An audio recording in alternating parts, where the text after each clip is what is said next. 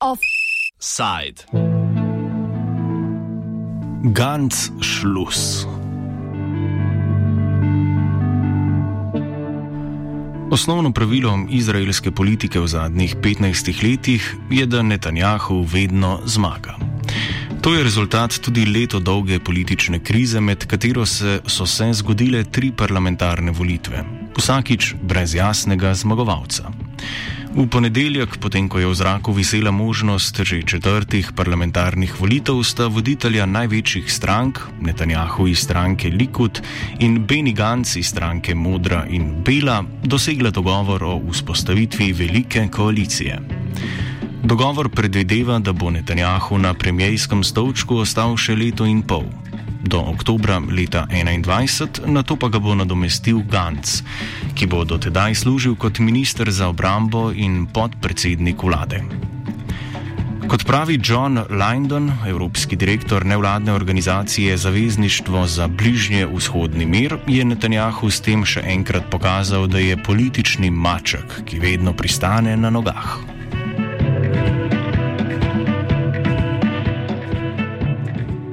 It's one of the most amazing uh, feats of political escapism I think I've ever seen. Um, I think most analysts, particularly after the first inconclusive election last year, assumed that we were now in a process, whether it's gradual or immediate, of Netanyahu leaving the prime ministership. And it's remarkable that over the course of three successive elections, the result at the end, after his first serious challenge really in over a decade, he is the prime minister again. And not only that, it's on terms that are incredibly advantageous to him, whether it's on um, the issues around his continued legal problems or the agenda that they could have around annexation of the West Bank or the judicial system in Israel. From a first examination of the terms of the new government, he's gotten most of what he wanted at the outset. And all he seems to have to have relented on is the possibility, and it is only a possibility, that Benny Gantz will be prime minister in 18 months' time and handing out ministries to the coalition partners. So what we have at the moment is one of the largest governments in Israel's history, with people being given ministerial portfolios, seemingly as a payoff for Netanyahu getting most of what he politically demanded. Lani poleti je Netanjahu presegel prvega premijeja Davida Ben-Guriona, po dolžini mandata že takrat pa je vodil zgolj začasno vlado.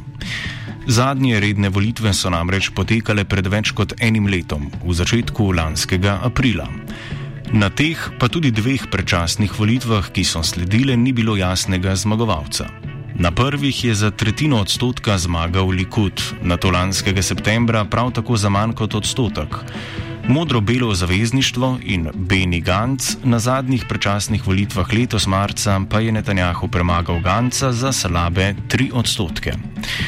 Na vseh volitvah sta rivalski opciji dosegli približno vsaka nekaj več kot četrtino sedežev v Knesetu.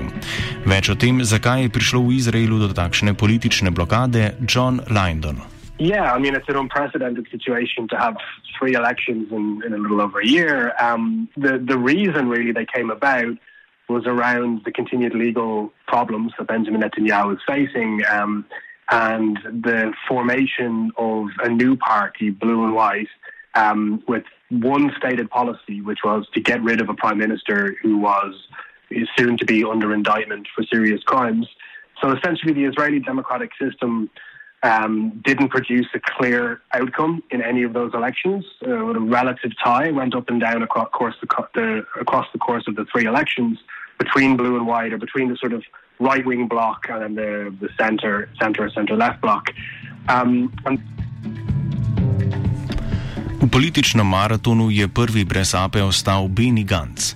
Izraelski predsednik Rovjen Rivlin je po marčevskih volitvah mandat za sestavo vlade podelil Gancu. A kmalo se je pokazalo, da ima boljše karte v rokah Netanjahu, ki je na koncu zgolj počakal, da je Gancovo politično zavezništvo, ki se je formiralo, da bi preprečil še en premijski mandat, začelo pokati po šivih.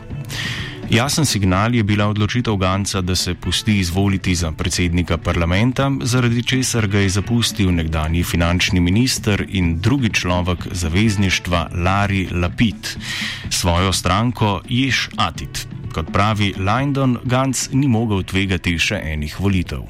The result really, I think, was exhaustion. By the time of this third conclusive election, clearly Benny Gantz, the leader of the opposition bloc, had run out of steam. He was no longer able, I think, to mount another successive election. He gave up on the one clear policy he and his party had.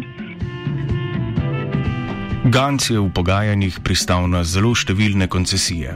Največja je seveda ta, da je prelomil obljubo voljivcem, da ne bo vstopil v vlado z Netanjahujem. Predvolilne obljube je prelomil tudi na drugih področjih. Gantz, ki je predtem nasprotoval priključitvi delov Zahodnega brega Izraelu, je na to pristal v priključitve, če se z njo strinjata Jordanija in palestinska oblast. Kasneje, če se bo s tem strinjala mednarodna skupnost, sedaj pa je dal Netanjahuju kar proste roke. Prav tako je Gantz požrl besedo glede imenovanja sodnikov in tožilcev. To vprašanje je ključno, saj so bile proti Netanjahuju uložene tri kazanske obtožnice zaradi korupcije. Gance je ob prihodu na politični parket predstavljal kot branitelj izraelske pravne države. Sedaj pa je sicer za svojo stranko pridobil Ministrstvo za pravosodje, a se bo z njegovima kandidatoma za ministra in za državnega tožilca moral strinjati tudi obtoženi Netanjahu. Poleg tega bo imel Likud polovico sedežev na komiteju, ki bo izbral kandidate za sodnike. Vse to pomeni, da je Gantz ostal brez zaveznikov in odvisen od Netanjahuja. Benjamin Netanyahu again has done something very intelligent and shrewd because the only path to Benny Gantz ever now becoming Prime Minister of the State of Israel is if Benjamin Netanyahu serves the first 18 months. So if, if, if, if the coalition collapses, if new elections are called, Gantz will not be able to lead an opposition bloc again because he's angered so many of his voters by entering government with Netanyahu. So his only path to being prime minister is essentially to protect Benjamin Netanyahu over the next 18 months on the chance that Netanyahu will honor his word and then allow Benny Gantz to be prime minister. Um, so, so it's almost like a, a protection racket, uh, it, it, and that again assumes that Netanyahu will will honor the pledge. Modro-belo zavezništvo ni preživelo formiranja vlade. Ganca sta zapustila glavna partnerja Jari Lipit in Muše Jalon. Pridružil se mu je ostanek nekoč sicer močne laboristične stranke, ki je v času Ehuda Baraka vodila vlado, danes pa ima zgolj tri poslance.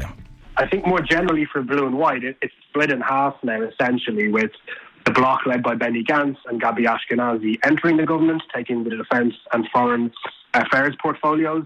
But then another bloc led by Yair Lapid and Bogi Ayalon staying outside of government, now forming the official opposition, but with far fewer seats. And it seems that any future challenge to Netanyahu's rule is probably going to come from that group. However, the problem is that is the most right and the most left pieces of the initial blue and white alliance. So Yair Lapid is seen probably fairly or unfairly as centre or centre left. And Bogi Ayalon the other most senior member, is a former Likudnik who was to the right of Benjamin Netanyahu when he served as his defense minister. So, apart from opposing Benjamin Netanyahu, which they both do vehemently, it's not clear what other policies they will agree upon. For example, Bogi Ayalon is, I think, very supportive of the um, uh, the uh, Trump deal, whereas um, Yair Lapid, whilst he hasn't spoken all that much about it externally, is probably opposed to the idea of annexation and has been on record supporting a two-state solution. Ključno vprašanje do sedaj so bile tri Netanjahujeve kazanske obtožnice zaradi korupcije. Sklenitev vladne koalicije pomeni, da bo Netanjahu izbral sebi naklonjenega državnega tožilca, pred sodišče pa bo stopil s premijejsko imuniteto. Zanimanje izraelske politike se bo očitno preselilo seveda na vprašanje priključitve dela Zahodnega brega. Dogovor namreč predvideva, da premijer, se pravi Netanjahu, postopek za odločanje o tem sproži s 1. julijem. Seems quite likely, if it's moved forward, that it will in some way conform to the Trump plan um, that was announced a few months ago, which you know could see anywhere between 30 and 60 percent of the West Bank annexed, depending upon how it's interpreted. It could simply be the Jordan Valley, um, which Netanyahu had announced his intention to annex back in September. It could be one single settlement, like Mala Adumim, uh, just outside of Jerusalem, which some people have suggested. The truth is, we don't know. There is a committee that was convened by the Israeli ambassador to the United States, David Friedman, and key Israeli ministries to, to look into the issue of maps and territory for annexation. And the assumption is that that committee will issue a report, whether it's public or private, and that will inform the decision about how much and which territory is potentially annexed this summer. Priključitev Zahodnega brega bi verjetno pomenila tudi dejanski konec možnosti rešitve spora med palestinci in Izraelci z ustanovitvijo palestinske države. I mean, we're in a huge moment of transition, right? I mean, I mean, even just in the last 24 hours, the collapse of, of oil prices will have profound impact upon geopolitics in the Middle East. But I think there's been a longer term trend, as you said, around Arab states quietly and under the table developing their relations with Israel and not prioritizing the Palestinian issue in the same way as they had historically. And that's all happening at the same time as sadly the collapse in viability for a two state solution. So if if annexation takes place in the summer, and particularly if it involves large tracts of territory in the West Bank, many analysts, I think, will conclude that a two state solution is no longer viable because the political will, regionally and internationally, isn't really there to wind back the clock. So it presents more questions than answers. Israelis and Palestinians aren't going anywhere. They have lost, perhaps, or will have lost, the most viable path, I believe, for arriving at peace, two states along the 1967 borders. And the depressing reality is that they're going to have to, I think, turn a page and look anew at how Israelis and Palestinians, Jews and Arabs can share or divide the land between the river and the sea. Vprašanje palestinske države je glavna okupacija, no pun intended, izraelske politike že več kot 50 let, odkar je Izrael zasedla Gazo in Zahodni breg. Od oslovskega mirovnega procesa je bila glavna ločnica v politiki opredelitev glede možnosti vzpostavitve palestinske države. Zavezništvom med Gancem in Netanjahujem se zdi, da se to poglavje počasi zapira.